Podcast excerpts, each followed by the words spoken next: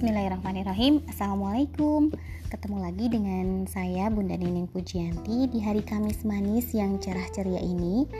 Uh, Rasanya cocok sekali ya Kalau minggu ini dimanfaatin untuk pergi mengunjungi dokter gigi. Apakah untuk pemeriksaan atau untuk melakukan perawatan? Nah ya Bunda hari ini saya akan membagikan tips bagaimana supaya anak berani ke dokter gigi biasanya anak-anak yang datang ke uh, praktek saya uh, biasanya itu pasti sudah terpapar atau pasti, pasti sudah mengalami kerusakan gigi. Nah, uh, jadi uh, beberapa anak yang saya temui itu ada yang uh, menangis atau tidak ingin membuka mulutnya atau tantrum atau uh, apa ya banyak hal lainnya yang uh, menunjukkan mereka tidak kooperatif terhadap perawatan. Nah ini ada beberapa tipsnya buat ayah bunda gimana caranya supaya perawatan uh, kunjungan ke dokter gigi itu menyenangkan dan anak juga jadi berani untuk datang ke dokter gigi. Yang pertama mulailah sejak dini. Jadi uh, jangan tunggu sakit atau jangan tunggu sampai gigi pertama uh, disidui atau gigi susunya tanggal dan butuh dicabut ke dokter gigi baru ayah bunda membawa anak ke dokter gigi sebaiknya sejak dini kunjungilah bawa anak untuk berkunjung ke dokter gigi. Kalau ditanya sejak kapan ya kira-kira anak membutuhkan uh, datang ke dokter gigi, jawabannya sejak gigi pertama anak muncul yaitu sekitar usia 6 bulan. Nah, apa yang dilakukan? Kan kalau misalnya 6 bulan ketika gigi baru pertama muncul, anak tidak butuh perawatan gigi. Memang tidak akan dilakukan perawatan gigi ayah bunda, tapi setidaknya ayah bunda uh, butuh memperkenalkan uh, suasana uh, suasana dan lingkungan tempat dia uh, mendapatkan perawatan gigi. Jadi ayah bunda bisa memperkenalkan dokternya, bisa memperkenalkan alat-alatnya, dan bisa memperkenalkan uh, suasana ruangan praktek. Nah ini ini sangat membantu sekali supaya tercipta trust ya percaya uh, di diri anak. Jadi kalau dia sudah trust percaya dengan dokter giginya dengan dengan kenyamanannya dia akan akan baik-baik saja ketika nanti uh, butuh untuk datang ke dokter gigi lagi. Jadi pengalaman saya sih uh, sepupu-sepupunya anak saya alias keponakan-keponakan saya itu yang mereka biasa bertemu dengan saya, biasa melihat saya bekerja, biasa menyaksikan pasien-pasien saya. Nah, uh, alhamdulillahnya mereka tidak tidak terlalu punya masalah yang berarti ketika melakukan perawatan gigi. Bahkan kadang mereka tidak diantar oleh orang tuanya masing-masing. Nah yang kedua uh, pupuk rasa percaya diri anak. Ini penting sekali. Jadi lakukan bagaimana caranya memupuk uh, rasa percaya diri anak?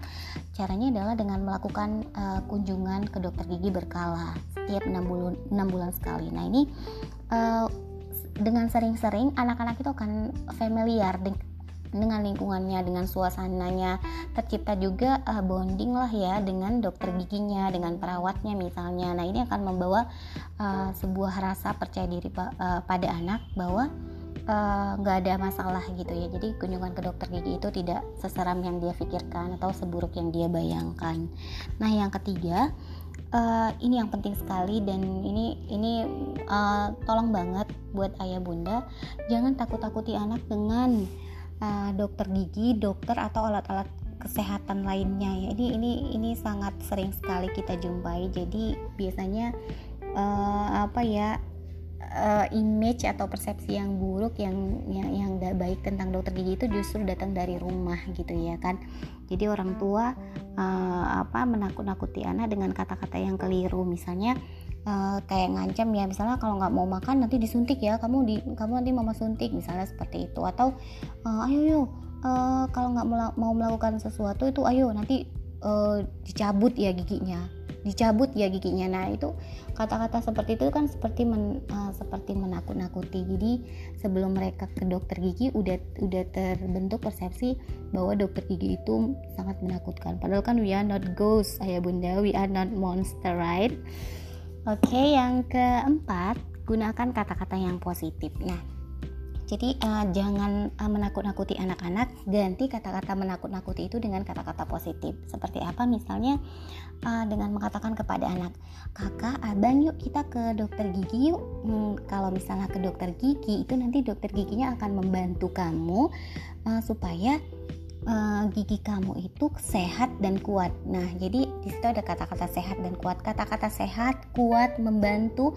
Nah, itu adalah kata-kata positif yang mengafirmasi anak bahwa uh, semuanya akan baik-baik saja. Bahwa ini sesuatu bahwa uh, kegiatan ke dokter gigi adalah sesuatu yang bermanfaat untuk dirinya gitu. Nah, ini sangat membantu sekali. Tapi jangan pula terlalu muluk-muluk ya ya bunda. Jangan pula mengatakan kepada anak bahwa enggak kok nggak apa-apa. Disuntik itu nggak sakit. Nggak sakit sama sekali kok. Nyaman-nyaman baik-baik aja.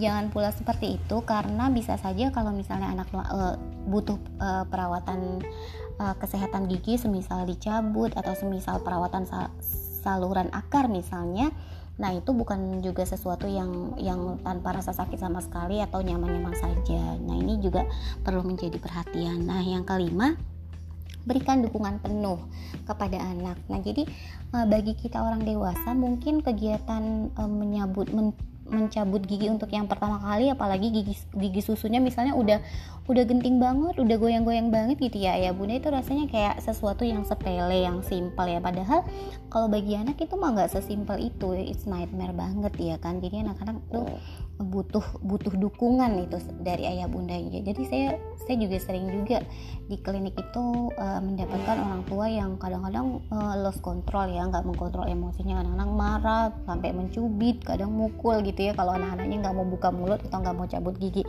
Padahal uh, itu sesuatu yang yang sebenarnya uh, kita khawatir sekali kalau misalnya kita melakukan hal seperti itu akan berdampak. Jadi uh, ke depannya dia akan mengalami misalnya trauma dan sebagainya. Nah itu uh, sayang sekali ya kan nah yang keenam berikan pujian pada sikapnya jadi kalau misalnya anak yang sudah berani melakukan uh, uh, perawatan gigi misal sudah berani melakukan pencabutan gigi sudah berani melakukan penambalan atau perawatan saluran akar nah puji pujilah anak uh, dengan sikapnya itu jadi kita memuji sikapnya memuji sikapnya yang berani itu. Nah, yang ketujuh, uh, berikan reward ayah bunda.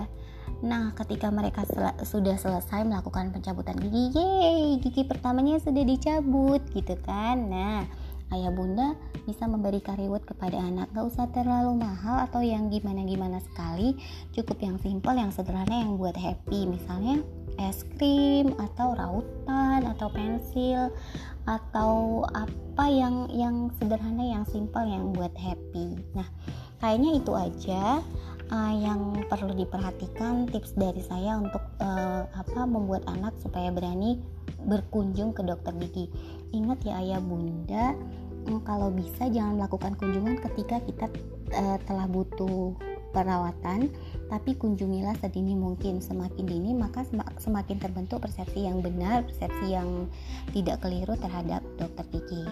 Nah, selamat berkunjung ke dokter gigi. Jangan lupa 6 bulan sekali ya. Wassalamualaikum warahmatullahi wabarakatuh.